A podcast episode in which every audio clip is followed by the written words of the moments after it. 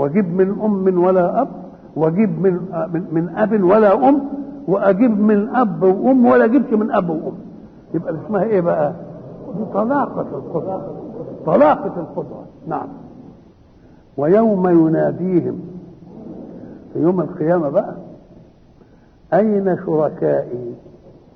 بقى هو يقول أين شركائي؟ ده أنت بتقول لي شركاء؟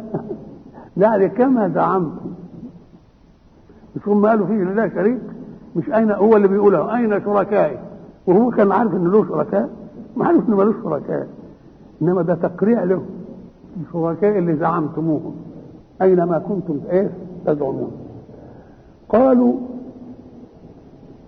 آذناك آذناك يعني معناها أعلمناك. الأذان مش الإعلام؟ ومعنى آذناك يعني وصلنا الكلام لودنك. يبقى أول مراحل العلم الإيه؟ الأذن. نسمع الأول وبعدين يبقى عندنا علم. ولذلك هناك في السورة يقول وأذنت لربها وحقت. أذنت يعني بس سمعت كلامه هتعمل اللي هو عايزه. آذناك أي أعلمناك ما منا من شهيد. لا يوجد أحد منا يشهد بأن لك شركاء. هم بيقولوا الكلام ده دلوقتي مع انه هو بيقول هو بيقول أين شركائي. ما نفاش الشركاء عشان يخليهم هم اللي ينفوه ما منا من شهيد أين أن لك شريك. ما حدش يقول الكلمة دي ابدا. طب فين اللي كنتوا بتقولوا عليهم؟ وضل عنهم ما كانوا يدعون من قبل. ضلوا يعني مش لاقيينهم مش مش موجودين. وظنوا ما لهم من محيص. قالوا المسألة انتهت وما فيش مهرب ولا مفر بقى من ال... كلمة محيص يعني مهرب. بس مش مهرب واضح كده واحد يهرب يروح الحتة دي. لا يتلاكم ويبص كده وكده عشان يدور له على إيه؟ على مهرب. ولذلك إحنا نقول حتى في عرفنا نقول ده فلان حايص. حايص يعني إيه؟ حائل مش عارف يعمل إيه. يروح هنا يروح هنا مش لاقي مهرب عايز مهرب. إنما لو كان في مهرب كده تردبه هيروح يروحوا إنما أقول محيص يعني حايص مش عارف يروح فين ولا يجي منين وبتاع. شوف بقى الإنسان لا يسأم الإنسان من دعاء الخير. لا يمل من دعاء الخير يبقى عنده. يقول يا رب ارزقني شقه كده اسكن فيه. طيب كده. وبعدين يجي الشقه يقول أنا حتة فيلا كده وبقى خد فيلا يقول والله عايزين عمارة تصرف على الفيلا كده. لا عمال طماع مش مثلا بياخد الأمور على قدره لا يسأم الإنسان من دعاء الخير.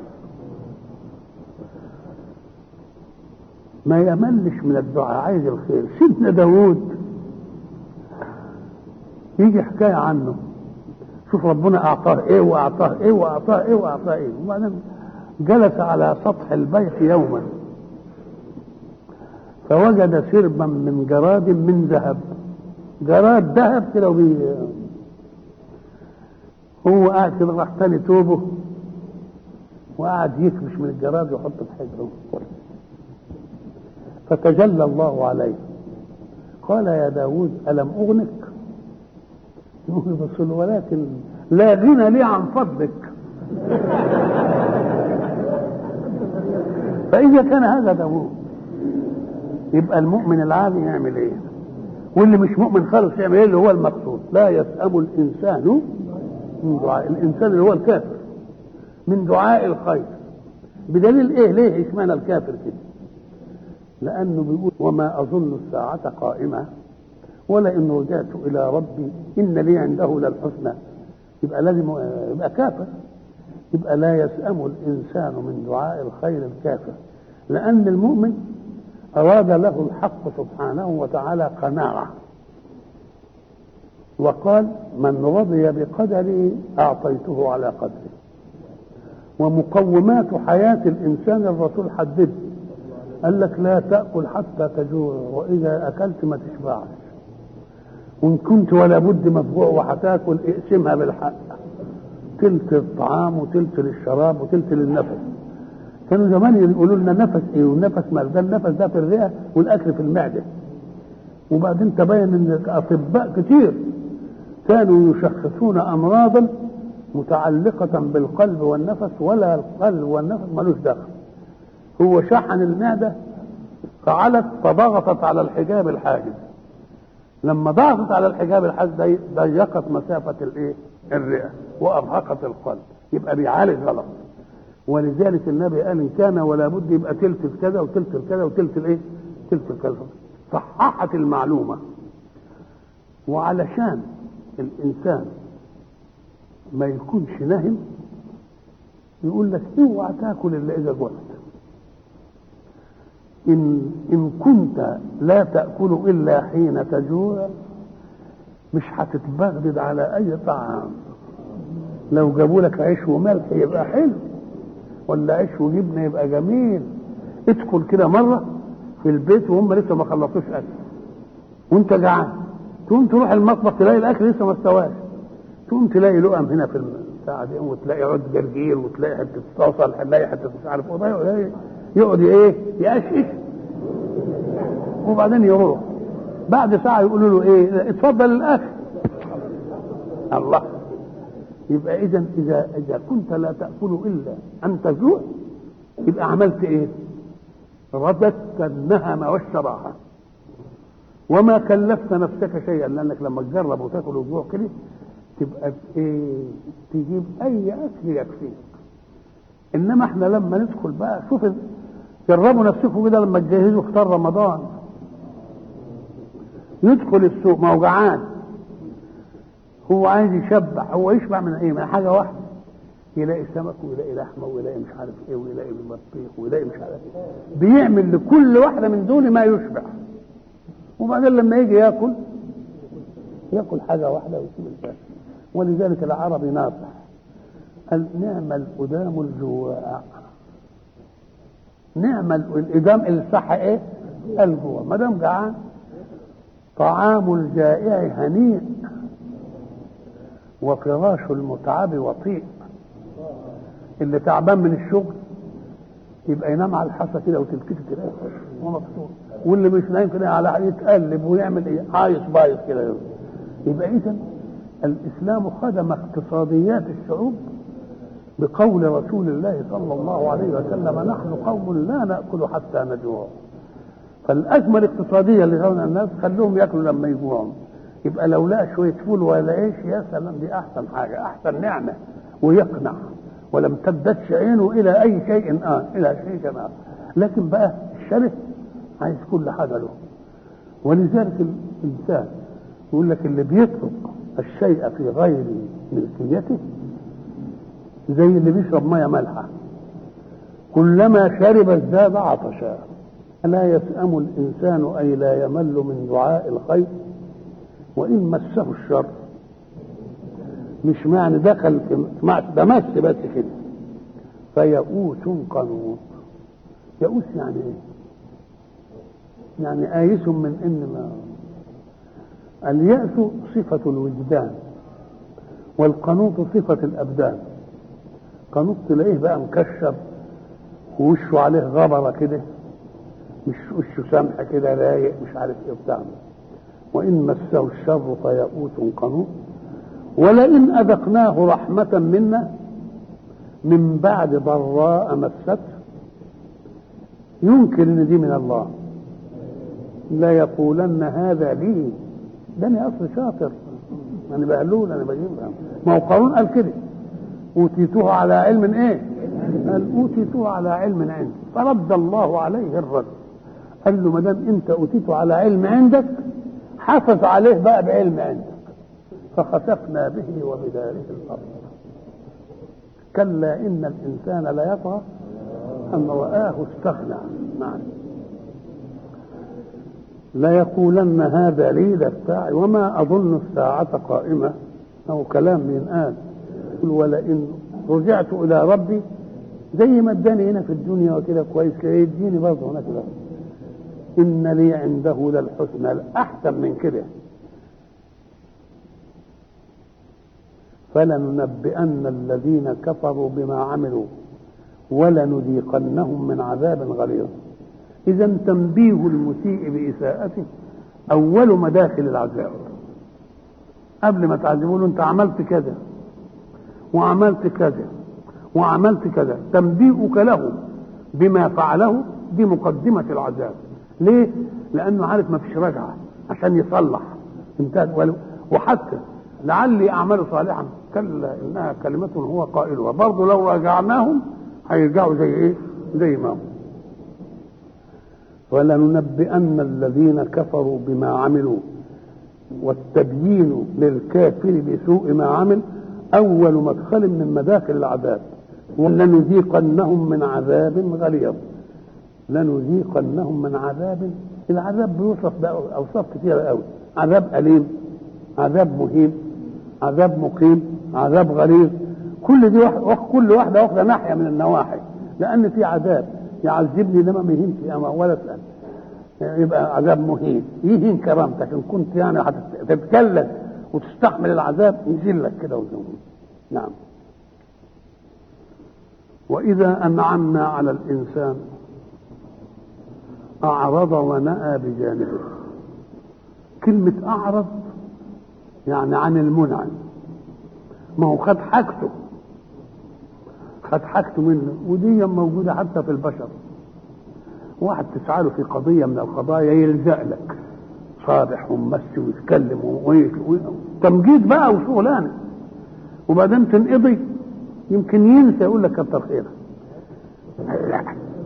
ولذلك الشاعر قال يسير ذو الحاجات خلفك خضعا فإن أدركوها خلفوك وهرولوا وأفضلهم من إن ذكرت بسيء توقف. لا ينفي ولا يتقول. مش يرد. فلا تدع المعروف مهما تنكروا فإن ثواب الله أربى وأزل والذين يجحدون يدك عليهم هم أربح الناس لك. لأن ما دام أنكر الجميل بتاعك يبقى اللي يتولى رد ربك. لأنه إن تولى رده على قده. وما دام هيأديه على قده يبقى ما يكافئش إنما اللي بيعملها من رب. ولذلك الرسل ربنا بيعلمهم النصاحه يقول لهم يا قوم لا أسألكم عليه أجرا. اولا كأنه لما بيقول لا أسألكم عليه أجرا كأنه بيقول إن العمل اللي أنا قدمت ده لكم كان يجب تدوني أجر عليه ده أنا وديتكم حاجة حلوة. إنما برضه مش هاخد أجر منكم. لأن عملي لا يقدره إلا من عملت له وهو الله. إنما أنت مش هتقدر تفيد وإذا أنعمنا على الإنسان أعرض. ونأى أي بعد بجانبه. الجانب هو ما تحت اليد حين تمتد كده ده الجانب. وده الأمام وده الخلف وده الجانب وده الجانب. أعرض ونأى بجانبه. أعرض بوجهه. ونأى بجانبه ثم استدار بظهره. يعني يعملها مراحل. واحد يجي لك كده تقعد عنه بوشك. وبعدين تديله جنب. وبعدين تتضير وتديله ظهرك ولذلك تجد الجزاء في الآخرة على مقتضى هذه الحركة النفسية اللي مش ب... اللي, مش. بتدبير العقل يعني كده. واحد يجي الفقير يده عايز منك فلوس. تقوم اولا تشيح بوجهك عنه. خلاص؟ وبعدين تديله جنبك. وبعدين تديله ظهرك. يوم ربنا يقول انت عملت هكذا نعم. طب إيه؟ والذين يكنزون الذهب والفضة. ولا ينفقونها في سبيل الله فبشرهم بعذاب أليم. يوم يحمى عليها في نار جهنم. هات بقى كده فتكوى بها إيه؟ ادي اللي أعرض بيه وبعدين وجنوبهم ادي الجنب وظهورهم يعني على مقدار ما تأبيت على العطاء هتاخد الجزاء. وكأنك لما تجلس كتير هيجي الحريق كبير قوي. ان, إن عملت 10 جنيه بس هياكلوا حتة. إنما كل ما تكبر يقول لك وفر يا اخويا يوم يحمى عليها في نار جهنم فتكوى بها جباههم لأنهم أعرضوا وجنوبهم لأنهم ادوا جنب وظهورهم لأنه ادوا ظهرهم مش وإذا مسه الشر فذو دعاء عريض. دعاء بقى ما يمهمتش إنما في النعمة نعم كلمة فذو دعاء عريض. العرض هو أقصر البعد في المساحة الطولية. يبقى الشيء له طول؟ وله إيه؟ عرض. لما يجي ما قالش طويل جاب الضلع الأقل وادى المسألة الكبر. إذا كان ال ال ال عرضه يبقى الطول هيجرى له إيه؟ يبقى أكثر. زي ما ربنا يقول إيه؟ عرضها السماوات والأرض. طب العرض ده البعد الأقل.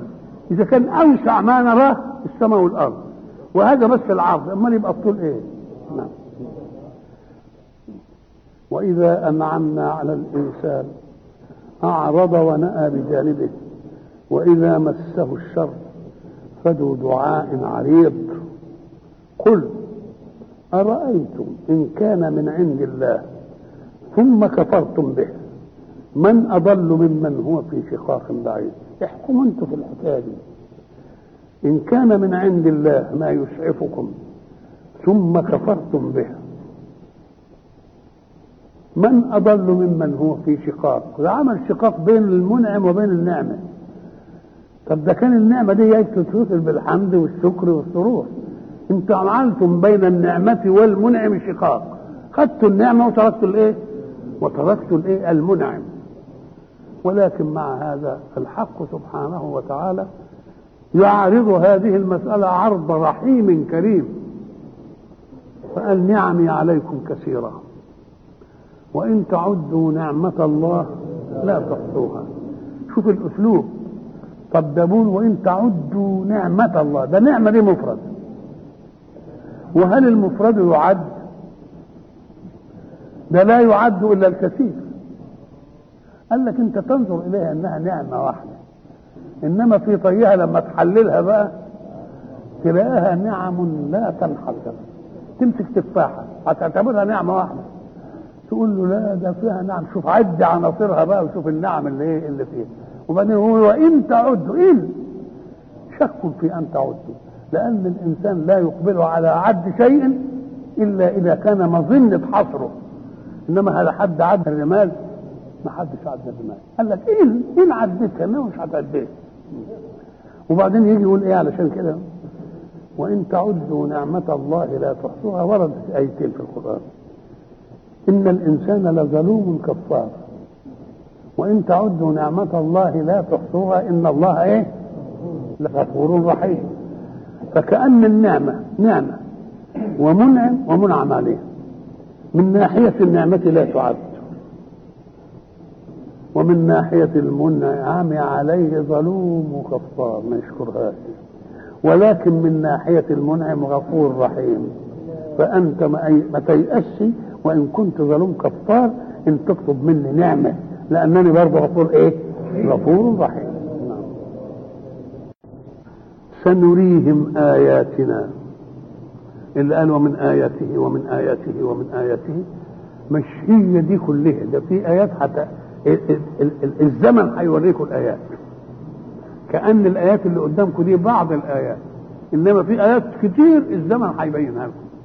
سنريهم آياتنا في الآفاق. ما هي الآفاق؟ الآفاق هو مد نظرك إلى أن تنطبق السماء وتشوفها على الأرض كده. ولذلك يقول لك فلان أفقه واسع. يعني إيه؟ يعني بيشوف بعيد قوي فالآفاق مساحة يحددها انطباق السماء على الأرض بالتساوي. وتلاقيها متساوية لو قست من أنت المركز. وانطباقها من هنا وانطباقها من هنا عند الحتة دي. وعند تقيسي تلاقيها مركز وهي دائرة. سنريهم آياتنا في الآفاق أي في متسع ما يرون على قدر بصائرهم وأبصارهم. لو كان واحد بصر قوي يبقى الأفق بتاعه إيه؟ واسع. لو طلع شوية كده لفوق الأفق إيه؟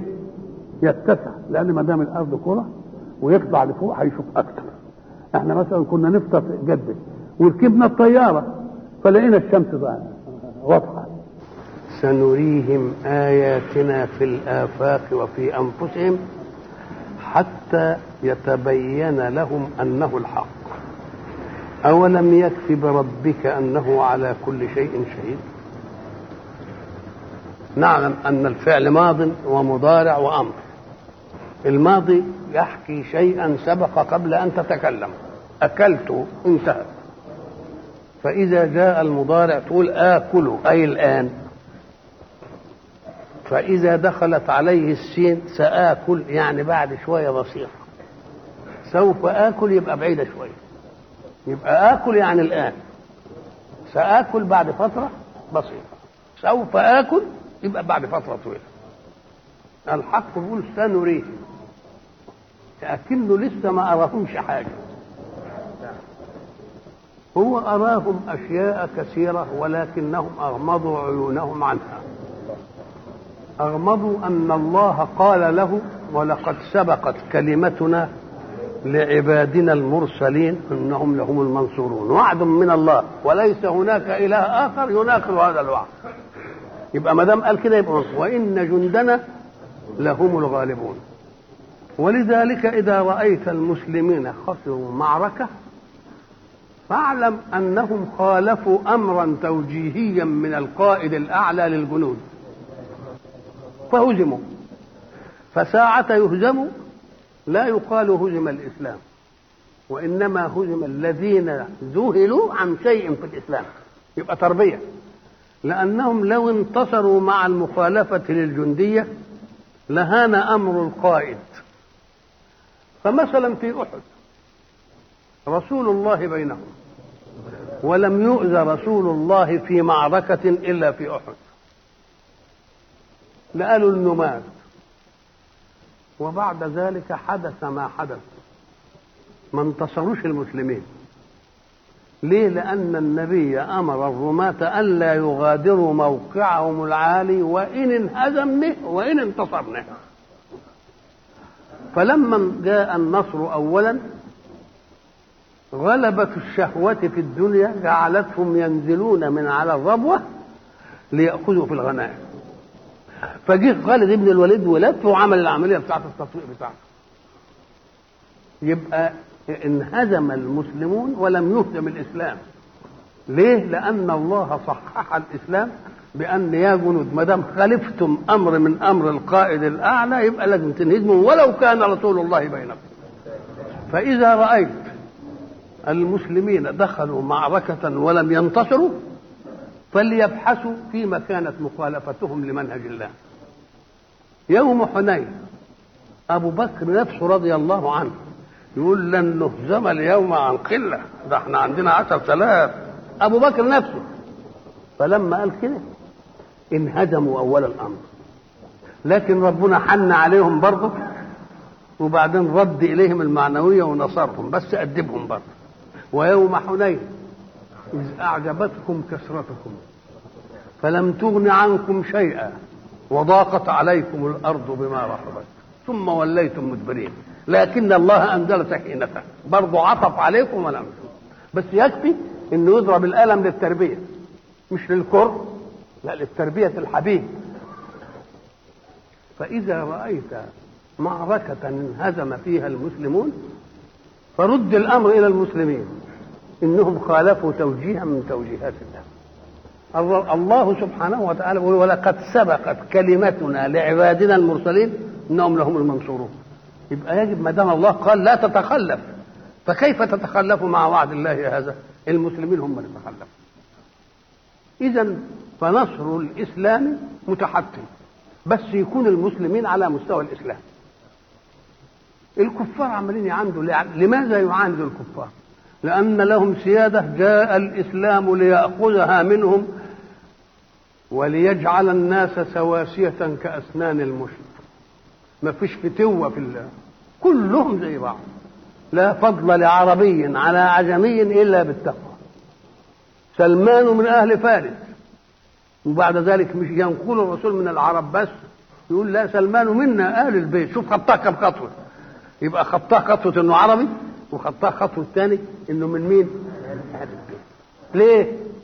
لأن الإسلام ليس نسبا وإنما الإسلام فعل ولذلك تجد ابن سيدنا نوح عمل إيه؟ مش ساب سيدنا نوح وراح وقال قال سآوي إلى جبل يعصمني من الماء قال أي نوح لا عاصم اليوم من أمر الله إلا من رحم وحال بينهما الموج فكان من المغرقين. وبعدين قال نوح حن على ابنه وقال رب إن ابني من أهلي.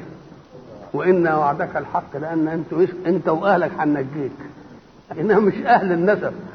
أهل الإيمان وأهل الديانة. مش أهل النسب لا. ولذلك قال له يا رب إن ابني من أهلي. وإن وعدك الحق. يا نوح إنه ليس من أهلك لأن أهلية النبوة عمل صالح على وفق منهج النبوة. ولذلك إنه إيه, إيه؟ عمل غير صالح. يبقى البنوة عمل مش دم ولحم ما فيش كلام من ده. طيب. إذا فالجماعة اللي صادموا الإسلام يدافعون عن سيادتهم ومش عايزين يبقوا رعية زي الناس وعايزين تفضل لهم العظمة بتاعت قريش في الجزيرة العربية فلازم يصدوا هذه الدعوة. فتكتلوا بكل أمور التكتل. آذوا الرسول استهزاء وآذوا الرسول حتى عزلوه عن بيته وعن وحصروه في الشعب عملوا له سجن كده في الشعب هو وأهله. لحد ما بقوا يجوعوا ما يلاقوش أكل. وبعدين تأمروا عشان يقتلوه ولا يخرجوه. كل العملية دي. فالله يريد أن يقول لهم إياكم أن تفهموا أن عملكم هذا سيعوق أمر الدعوة وانتشارها. لا عندكم في الجزيرة ولكن في العالم كله.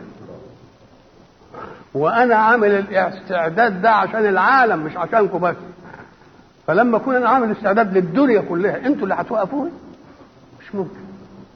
ولذلك النبي حينما أراد أن يحارب هل صنع كلية حربية عشان يعلم الناس يحاربوا؟ ما عملش. عايز يحارب بس يشور كده. ليه؟ لأن الله مهد قبل الإسلام للنفور القبائل وهي بعضها. ولا تجد يوم إلا ما في حرب بين القبائل. والحرب تستمر أربعين سنة. يبقى كل البيت معد للحرب من الآن.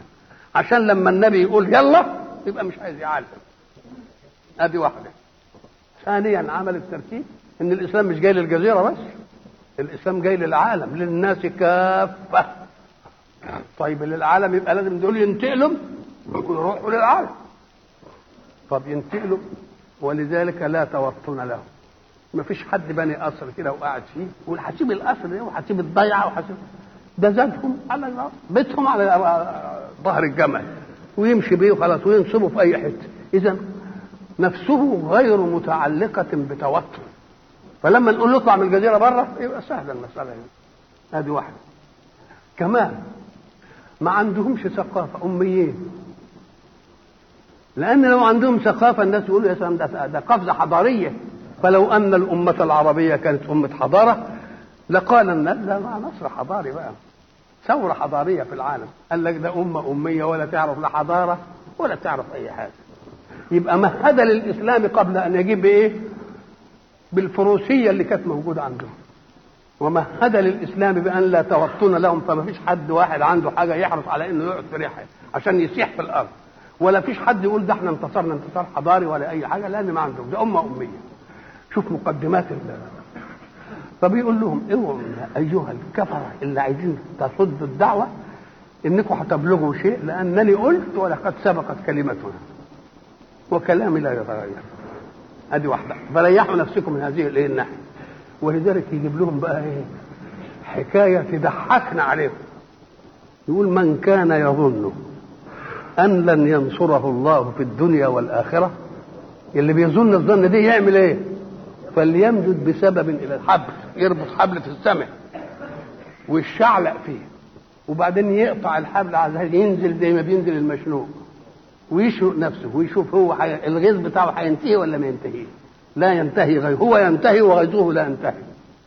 من كان يظن أن لن ينصره الله في الدنيا والآخرة فليمدد بسبب إلى السماء ثم ليقطع. فلينظر هل يذهبن كيده ما يغيظ طب وليه؟ ما تنظروا كده الإسلام لما بدأ بدأ بمين؟ بالضعاف. وبعدين الناس الكويسين اللي على خلق شوية يقوم وياه. وبعدين لما راح الطائف ورد الرد غير الجميل ما لقاش حد ينزل في حمايته. فيقوم ربنا يسخر كافر من الكفرة المطعم ابن عدي علشان يدخلوا في جواره. قال لا بقى ده هو الكافر ده هو اللي ياخد محمد في جواره. امال إيه؟ وما يعلم جنود ربك إلا هو. هو ضروري يكون الجنود مسلمين. لا ده الجنود لما تبقى من الكفار تبقى أنقح. طب ما هو عايز يهاجر. مين اللي كان بيدل على الطريق؟ ابن أريقة وابن أريقة كافر ولا مش كافر؟ ومعمول جعل اللي يسلم محمد ياخد قد كده. ومع الكافر كان هاديا للهادي العظيم. الكافر هو اللي هادي. الله. تبقى المسألة ربنا مديله جنود ثم تعالوا بقى. أنتم لكم أرض اللي هي مكة وما حولها لأن أم القرى وما حولها. انظروا للأرض بتاعت الكفر ولأرض الإيمان. تجدوا أن أرض الكفر كل يوم تنقص وأرض الإسلام كل يوم تزيد. أولم يروا أنا نأتي الأرض ننقصها من أطرافها؟ ننقص أرض ليه؟ وننمي أرض كل يوم بتزيد. ما خدتوا عبرة من دي؟ ما شفتوش الحكاية دي؟ ده إحنا كل يوم بنزود أرض الإسلام؟ وبنعمل إيه؟ بننقص أرض الإيه؟ وبعد ذلك يقول هو تفتكروا دي كده بس والله يحكم. لا معقب لحكمه. يبقى اعتقدوا إن الدين منصور الدين إيه؟ منصور. تعال بقى. أنت شايفني رقعة مكة اللي قد كده ولا رقعة الجزيرة اللي قد كده؟ أمال لما تشوف بقى الآفاق الثانية في العالم كله. وبعد ذلك يغزوها الإسلام بالأمة الأمية التي لا تعرف شيئا. ويروحوا هذه البلاد. ويروحوا إلى اعظم حضارتين في العالم. حضارة فارس في الشرق وحضارة الرومان في الإيه؟ في الغرب. وفي نفس واحد. يروحوا هناك وينتصروا شوية العرب الأجلاف دول ويعملوا الأمر. حتى الأمور التي لم تكن عندهم هم يعرفوا حرب الخير وحرب السيف وحرب النبل وحرب الرماح. إنما في هناك حروب في فارس ما يعرفوهاش. الفيلة حرب الفيلة ما يعرفوهاش. يقوم يلهم الله سبحانه وتعالى سعد بن أبي وقاص يقول أهم شيء في الفيل اللي يهزمه إيه؟ قال لك الخرطوم. فعمل السيوف ويضرب الخ... ال... ال... ال... الفيل من خرطومه ويخير إيه اللي علمه ده؟ ما يعرفش الحاجات دي. إنما وما يعلم جنود ربك إلا هو. والإثنين نفس مش خلصوا فارس وبعدين يروحوا للرومان. ده في نفس واحد الاثنين. وبعد ذلك يجيب الجنود من فارس ومن الرومان هم اللي يشدوا الإسلام. ليه؟ لأن في مظالم موجودة في الحكم الفارسي وفي مظالم في الحكم الروماني يقوم يشدوا الإسلام عشان ينتفعوا بإيه؟ بعدلته أنتم مش شايفين الحكاية دي؟ ده مش أرضكم اللي بتنقص. ده الأرض العالمية. وانتوا إيه بالنسبة للعالم؟ ده أنتوا هتشوفوا في نصف قرن الإسلام ياخد نصف الدنيا. الإسلام ياخد نصف الدنيا. فإذا سنريهم آياتنا في الآفاق. الآفاق جمع أفق. وما هو الأفق؟ هي الناحية التي يعيش فيها الإنسان بحيث يكون الإنسان مركز وحواليه فضاء واسع. يبقى كل إنسان منا مركز وحواليه إيه؟ مش إحنا لنا أفق واحد لا. ده كل واحد منا مركز. والمركز حواليه فضاء. الفضاء ده متساوي من كل نواحي زي أقطار الدائرة. بس يتناسب مع نظر الإنسان وعلوه وارتفاعه. ولذلك يقول لك فلان ضيق الأفق. يعني إيه؟ يعني ما عندوش اتساع إدراك. سنريهم آياتنا في الآفاق وفي أنفسهم حتى يتبين لهم أنه الحق. أما في الآفاق فالفتح اللي انتشر هذا الانتشار الواسع. وأما في أنفسهم فإنه ضيق عليهم ولم يعد في الجزيرة شيء إلا مسلم. فخذوا لكم عبرة بقى. ما استطعتوش أن تصدوا الإيه؟ الإسلام. ليه؟ لأن الله كتب إن هينصر هذا الدين ويتم. فريحوا نفسكم من إنكم مش هتقدروا تصدوا هذا الدين. واللي يقدر بقى يلحق نفسه يدخل في الإيمان وبلاش الحق سبحانه وتعالى يعطينا في حروب المسلمين في الجزيرة كبدر مثلا. واحد صحابي مثلا يقول والله ما أحزنني إلا أن يفلت مني عكرمة بن أبي جهل وخالد بن الوليد. دول مزعليني قوي كنت عايز أموتهم. اللي مش على الإسلام دول. فأنا زعلت لما موتهمش. قال له يا شيخ أنت ما موتهمش؟ لأن لهم دور يخدموا يخدموا به الإسلام. فحين لم تتمكن منهم في بلده علشان تتمكن منهم في مؤتة وتتمكن من خيرهم في اليرموك. وبعدين يجي إكرمة بن أبي جهل اللي وقف في الفتح الإسلامي. هو اللي وقف في الخندمة لوحده. يقوم هو اللي يروح عند الروم ثم يقتل. بعد ما أسلم. يقوم يجي عند خالد.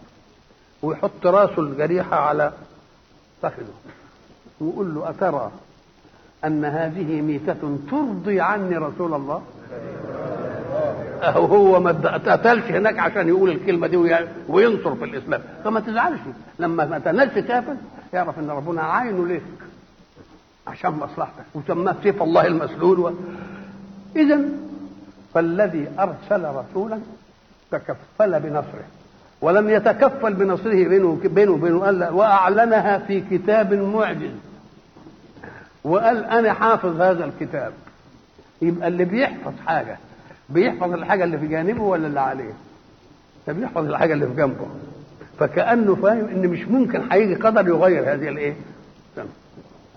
فيقول الله سنريهم آياتنا في الآفاق. طب وليه سنريهم ما أرناهمش ليه؟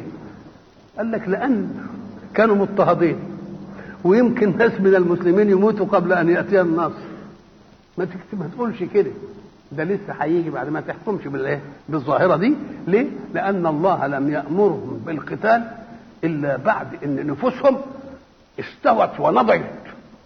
بحيث إن يجي واحد ابن الحمام يقول له يا رسول الله أليس بيني وبين الجنة إلا أن ألتقي بهؤلاء فيقتلونني؟ فهزلوا كان بيمضغ بلحة. قال طب وأنا هستنى ليه الحكاية دي؟ ها؟ تعجل المصير إلى الشهادة. لأنه واثق بأنه سيذهب إلى خير مما ترك. أدي معنى السين. يعني ما تظنوش إن الناس اللي ماتوا قبل ما ينتصر الإسلام؟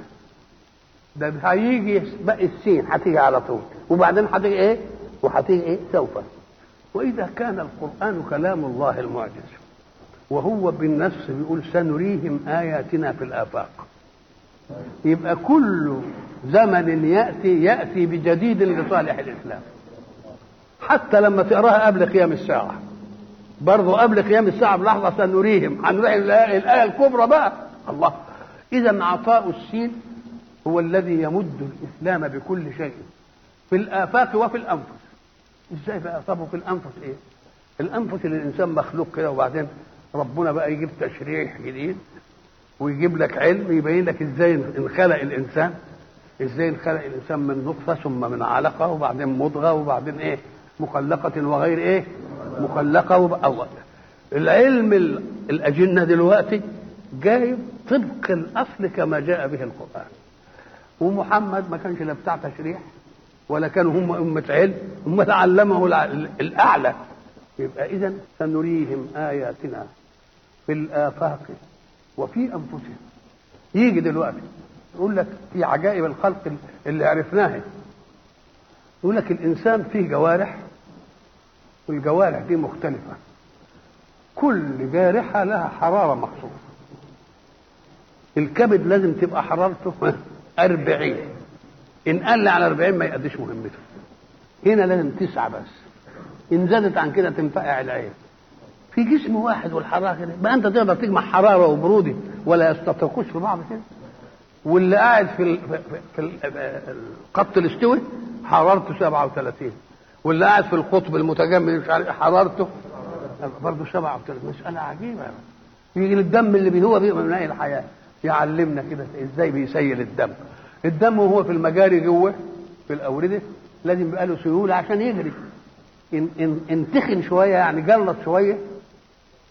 طب ولما يطلع بره الدم؟ إن ما كانش يجلط يموت صاحبه.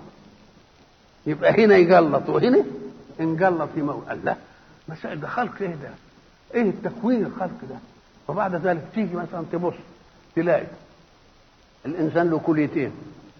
ما تفهمش إن كليتين كل كلية واخدة نص. لا. الكلية الواحدة واخدة الجسم كله. والكلية الثانية واخدة الجسم كله.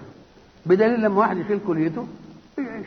والكلية الثانية تتضخم شوية وتتسع عشان تشيل. ولذلك ليه نقل الكلى يعني إجرام. لأن ربنا عاملهم اثنين ليه؟ لأن كل كلية من دول فيها مليون خلية. شوف البتاع اللي قد كده. ولذلك تستعجب الكلية اللي قد كده لما بيعملوا غسيل بالكلية الصناعية. شوف المكنة قد إيه. شوف المكنة قد إيه. مليون خلية ما بيشتغلش منهم إلا مئة ألف. ومئة ألف تانية تيجي وردية. فالفشل بيجي إيه؟ مئة ألف أدت مهمتها وما, وما تنبهتش المية التانية عشان تقوم بالله. طب واحد عنده كليتين وواحدة فشلت خلاص التانية تقوم طب لما ناخد منه كلية والتانية دي تموت نبقى أعمل إيه؟ يبقى مات يبقى إجرام وانتحار. سنريهم آياتنا في الآفاق وفي أنفسهم. حاجات في الأنفس بقت شيء عجيب. مثلا الحق سبحانه وتعالى يضرب لنا مثل يجيبوا لنا من الآخرة في عذاب الكفار. كلما نضج جلودهم بدلناهم جلودا غيرها ليذوقوا العذاب. إذا لو انحرق الجلد ما نقدرش نحس بالعذاب. فلازم يعيد له حياة عشان الإذاقة تستمر. ما عرفناهاش إلا في ألمانيا بعدين بعد الحرب العالمية. وعلموا أن الجلد هو مناط الحس. بدليل إنك لما تيجي تاخد حقنة تؤلمك بقدر ما تنفذ الإبرة من مين؟ من الجلد. وبعدين ما فيش يبقى الحس هنا. يبقى قوله كلما نضجت جلودهم بدلناهم جلودا غيرها ليذوقوا العذاب. سبق إيه؟ سبق الدنيا دي كلها. طب تعالى. دلوقتي علاج الجروح أحدث علاج للجروح. إنك تترك العلاج للجسم بدون أن تتدخل بأدوية وعقاقير لما تتدخل بأدوية عشان الجرح يطلع فيه كي ويلمع كده ويبلط. يبلط يعني المسام انتهت ما عادش يطلع عرق. وما دام ما بيطلعش عرق يبقى حتة من الافرازات الضارة. امتنع يقول لك طب سيب الجسم هو اللي يعمل إيه؟ وبس يلم. نظفه كده ويلمه على بعضه ويحط حاجة تضربه جنب بعضه ويخليه يلتئم إذا التئم بهذه الطريقة لا يترك ندوبا ولا يعمل أي حاجة. وده إزاي؟ قال لك لأن الذي خلق الجسم بعدين لما حللوا وظائف الأعضاء وجدوا أن الله سبحانه وتعالى الذي خلق الإنسان عامل له صيدلية احتياطي. بحيث إذا حصل عطل في الجسم الصيدلية تمد. ولما الصيدلية تمد تمد على قدر الدواء الشافي بدون زيادة تكوي ولا تعمل ولا أي حاجة. ولذلك العيل في الفلاحين بيطلع له دمامل ويطلع له مش عارف وبعدين يسيبوه كده مش عارف يحطوا إيه. والبتاع البندر يعالجوه بالملوان. يقوم الولد بتاع الفلاحين بعد ما يطيب وشه رطر كده وحلو ودوكا مرقع ليه؟ لأن الدواء بالصيدلية اللي جوه بتدي لها على يقوم ما حدش عرف دي بيجي منين ده كله. قال لك الصيدلية اللي جوه دي فيها حتة مش داخلة في تكوين جهاز. أدي سبب في قوله مضغة مخلقة وغير مخلقة مخلقة تجي منها أعضاء وغير مخلقة قاعدة عشان إن حصل حاجة تدري أدي في أنفسهم. نريهم في إيه؟ في أنفسهم نفسهم سنريهم آياتنا. والآيات هي الأمر العجيب. في الآفاق أي في السعات على حسبها. سعة إضافية كالجزيرة. سعة غير إضافية للعالم إيه؟ للعالم كله. حتى يتبين لهم أنه الحق. ساعة ربنا كده لما تحصل كده حاجات ما كانتش معروفة أيام النبي. وبعد ذلك تتأكد يقول لك طب النبي ما كانش يعرف دي. لكن اللي يعلم الخلق كله هو اللي قال له. وجاءت على وقت ما إيه؟ ما قال. إحنا مثلا بنقرأ القرآن أعوذ بالله من الشيطان. أنا سألت الجماعة بتوع اللي مشتغلين باقتصاديات العالم. قلت لهم أنا عايز أعرف الأسانسير اللي بينعمل ده انعمل سنة كام؟ فقالوا لي سنه كذا برضه في القرن العشرين. طبعا. ولولا أن يكون الناس أمة واحدة لجعلنا لمن يكفر بالرحمن لبيوتهم سقفا من فضة. ندي للكافر النعمة اللي هنا عنده. ومعارج عليها يظهرون. منين كانت المعارج يعني ويجي مثلا في سورة الرحمن سألتهم قلت لهم البواخر كانت في الأول السفن سطحية كده وبعدين البواخر دلوقتي بقت أدوار مدينة ماشية عالية زي الجبل. متى؟ قال لك برضه في القرن العشرين. طب من الذي قال حين تقرأ القرآن وله الجوار المنشآت في البحر كالأعلام؟ دي تيجي إزاي؟ أهي دي بيوريهم. إذا لازم تفهم أن الله خلق وعلم ما يحدث لخلقه. طب ودي ليه ما ظهرتش في أيام النبي هو؟ قال لك لا.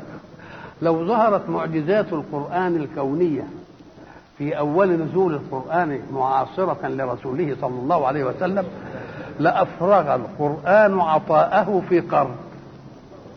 ثم استقبل القرون الأخرى بدون عطاء. والله يريد أن يظل استقبال الكون لقرآن الله كل يوم في جديد. كل يوم فيه جديد. ليه؟ علشان نثبت أن الذي قال قديما ما يحدث حديثا ليس معه إله آخر يرد عليه ما قال. سنريهم آياتنا في الآفاق وفي أنفسهم. أنا بقول ما إيش معنى قال سنريهم؟ ده هو قال في حاجة أولم يروا يعني حاجة حصلت أن نأتي الأرض ننقصها من أطرافها. فجاب مرحلة السين اللي بعد شوية عشان في ناس مش هيدركوا مسلمين ما يدركوش الحكاية دي. يبقى هيجي بس قريب. طب وسوف؟ ملهاش نصيب عندك يا رب. أما لك أنا بتكلم على أحوال الدنيا. ده سوف دي بقى بتاعت الآخرة يبقى مراحل الفعل كلها ولذلك يجب أن تستقبل الفعل من الله غير استقبال خلق الله للفعل. يعني الفعل الماضي اللي عندنا مش معناه الحدث وقع قبل أن تتكلم؟ خلاص؟ طبعا الأول فإذا كان الله يقول في كتابه أتى أمر الله. معنى أتى أمر الله يعني إيه؟ يعني جه قبل ما اتكلم. كيف يقول فلا تستعجلوه؟ ده تستعجلوه يعني دليل على إنه لسه ما حصلش. يبقى المستشرق يقول تناقضت فلا تستعجلوه مع قوله أتى. لأن فلا تستعجلوه يدل على أنه لم يأتي. وأتى تدل على أنه وقع وحصل. إزاي تجمع الكلام؟ قال لك الفعل عندنا غير الفعل عند الله. لأن الله إذا أخبر عن شيء سيحدث كأنه حدث مش هيحصل غير كده. انتهت المسألة. فكأنه إيه؟ أتى. يبقى أتى يعني لا بد أن يجيب. يبقى عنده الفعل الماضي ينقال ولو على الإيه؟ ولو على المستقبل لأن مفيش حد يعرضه. سنريهم آياتنا في الآفاق وفي أنفسهم حتى يتبين لهم اللي بيجادلوا أنه الحق. الحق يعني إيه؟ الحق هو الشيء الثابت الذي لا يتغير. وقبله إيه؟ الباطل. والباطل زهوق. الله. والحق ثابت. ولذلك ربنا سبحانه وتعالى لما بيضرب لي سورة الحق أنزل من السماء ماء فسالت أودية بقدرها فاحتمل السيل زبدا الزبد اللي إحنا بنسميه الايه الرغوة دي. زبدا رابيا يعني عالي على الماء ومما يوقدون عليه في النار ابتغاء حلية أو متاع زبد مثله. كذلك يضرب الله الحق والباطل. فأما الزبد فيذهب جفاء وأما ما ينفع الناس فيمكث في الأرض. كذلك يضرب الله الأمثال.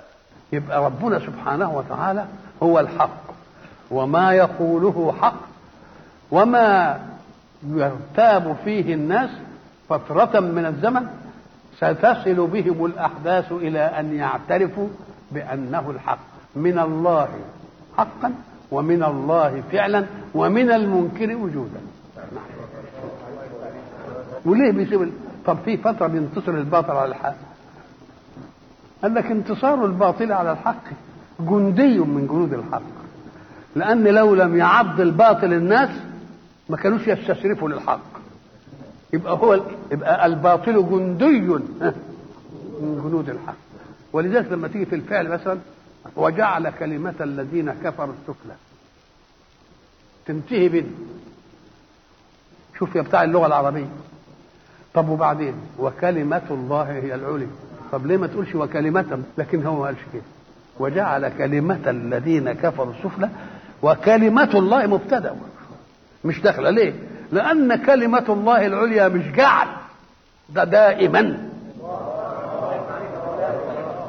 ولكن يعلو الباطل عشان يعضنا. ولما يعضنا يخلينا نستشرف إلى الإيه؟ إلى الحق سنريهم آياتنا في الآفاق وفي أنفسهم حتى يتبين للمنكر أنه الحق. أولم يكف بربك أنه على كل شيء شهيد؟ ما كانش صح تنتظروا أن يقع. كان يجب أنكم كنتوا ساعة ما قال تصدقوه لأن ربنا سبحانه وتعالى شهد. وما دام شهد ولا حد يقدر يعارضه. يبقى لازم من الأول الأمر. ما دام قال يبقى يعني. ولذلك مراتب اليقين يتجلى في ان أبو بكر كان مسافر والنبي جات له الدعوة فقالوا له من أتعلم أن صاحبك ادعى أنه نبي؟ ما ناقش المسألة. قال إن كان قال فقد صدق. ما بناقشهاش إن كان قال فقد صدق. وبعد ذلك لما جه قالوا له صاحبك ادعى أنه ذهب إلى بيت المقدس وعرج به من السماء. آه برضه إن كان إيه؟ يبقى الحجة إنه يقول. ما دام قال أهلا وسهلا. ولذلك سمي الإيه؟ الصديق. اللي بيصدق النبي. طب هل الصديق استنى لما ينزل القرآن عشان يآمن؟ القرآن جاي للمعاند المكابر. إنما اللي مش معاند المكابر دي ساعة ما قال محمد بقى نبي؟ قال يستاهل هو يبقى نبي. طب ما تشوف تاريخه ويانا إيه شكله. يبقى أخذ من سوابق الخير فيه دليل صدقه على أنه صار نبيا. سنريهم آياتنا في الآفاق وفي أنفسهم. حتى يتبين لهم أنه الحق أولم يكفي بربك. ما دام ما كفهمش إن ربنا قال أنه على كل شيء شهيد. كلمة شهيد شاهد يعني. هو شهيد بس. ده مجتمع فيه إيه؟ الشاهد الذي يثبت الحق والقاضي الذي يحكم والمنفذ الذي ينفذ. ثلاث أشياء. إحنا عندنا غير كده. في شاهد وقاضي تاني وبعدين ناس ينفذوا. إنما هو إيه؟ الشهيد والقاضي والمنفذ. ألا إنهم في مرية من لقاء ربهم. ألا؟ ساعة ما تسمع كلمة ألا دي زي ما العربي قالها ألا هب ألا هبي بصحنك فاصبحين. اذا ألا دي واردة في العرب. أمال هنا بتعمل؟ طب دي ألا معناها إيه؟ الا دي أداة اسمها أداة استفتاح ليه؟ قال لأن الكلام بين المتكلم والمخاطب. المخاطب يفاجأ بكلامك. لكن أنت قبل ما بتتكلم ها بيجي في ذهنك إنك تتكلم. فأنت عندك استعداد ده هتقول إنما هو ما عندوش استعداد يسمع. وأنت عايز تقول له كلام مهم فمش عايز كلمة من كلامك تفوته. تقوم تقول له ألا يعني اسمعني أنا هقول كلام حلو. وبعدين يجي الكلام اللي أنت عايزه. إن ما قالش ألا وتتكلم بالكلام يمكن يفوته بعض الكلام. فحرصك على أن يستمع الكلام كله. تقوم تجيب أداة تنبيه. يعني يا اللي أنت مش ما مش فاهم إن أنا اتكلم أنا بقول لك الا ألا ألا إنه. كل ألا دي أداة إيه؟ تنبيه لتنبه السامع إلى أن المتكلم سيتكلم لأن المتكلم هو الذي يختار الكلام. ويبقى ببال. السامع ملوش ولذلك لا ألا هبي الا يعني اصحي بقى وإيه؟ ألا إنهم في مرية من لقاء ربهم. فاهمين إن ربنا اللي خلقهم زي هم ما قالوا وأمدهم من عد؟ إن دي عملها وخلاص وانتهت المسألة. ولذلك إحنا نقول له إيه؟ نقول اللي اعمل لك راجع ده انت هترجع هنا. أو اعمل للصلح مطرح. لأنك هترجع هنا. وترجع يا, يا ترجع يا ترجع انت كده آلي كده ترجع لهم. ألا إنهم في مرية أي في شك من لقاء ربهم. ليه في شك من لقاء ربهم؟ لأنهم ما عملوش مقدمة لهذا اللقاء. يقوم يمني نفسه بإن الكلام ده إيه؟ ولذلك ده كله كلام المسرف على نفسه. وحتى لما انزنق قال ولئن رجعت إلى ربي. هلاقي برضه حاجة حلوة يا شيخ. يديله هنا ويبقى يديله إيه؟ يديله هناك ألا إنهم في مرية أي في شك. المرية والمراء. الخطاب في جدل. وكل واحد لما لما المرأة تيجي أو الحالب يحلب الجاموسة. يقوم يعمل إيه؟ يتك في الآخر عليها عشان إيه؟ ينزل آخر حاجة فيها. فكذلك المجادل. يعمل في صاحبه على ما يطلع روحه علشان يطلع كل الحجج. في مرية أي مراء. المراء غير الجدل. الجدل عايزين إيه؟ أنا وأنت نوصل إلى إيه؟ إلى حق. إنما المراء كل واحد عايز ينتصر على لنفسه. ولذلك يقول إياك أن تحكم في شيء حكم جماهيري. لأن لما يبقى حكم جماهيري كل واحد عايز يعمل فتوه أمام الجماهير. وعايز يدافع عن بطنه أمام الجماهير عشان ما ينكسفش. ولذلك ربنا بيدينا صفاء المنطق في قوله قل إنما أعظكم بواحدة. إيه هي يا رب؟ أن تقوموا لله مثنى وفرادى اقعد لوحدك كده وشوف محمد ده كان تاريخه إيه وبيقول إيه واعرضها بينك وبين نفسك. ما فيش واحد وياك عشان تقول ده انتصر عليا ولا ما انتصرش. أو اتنين على الأكثر. لما تقعدوا أنتوا الاثنين وتتناقشوا في الموضوع ما فيش واحد عايز يتعالى قدام ثالث يبقى اللي هيغلب الايه؟ الحق قل إنما أعظكم بواحدة أن تقوموا لله. لله يعني ما تقوموش كده بر وعتب. انت عايز تنهي الجدل. قمها لله. ان تقوموا لله مثنى وفراد ثم تتفكروا ما بصاحبكم من جنة.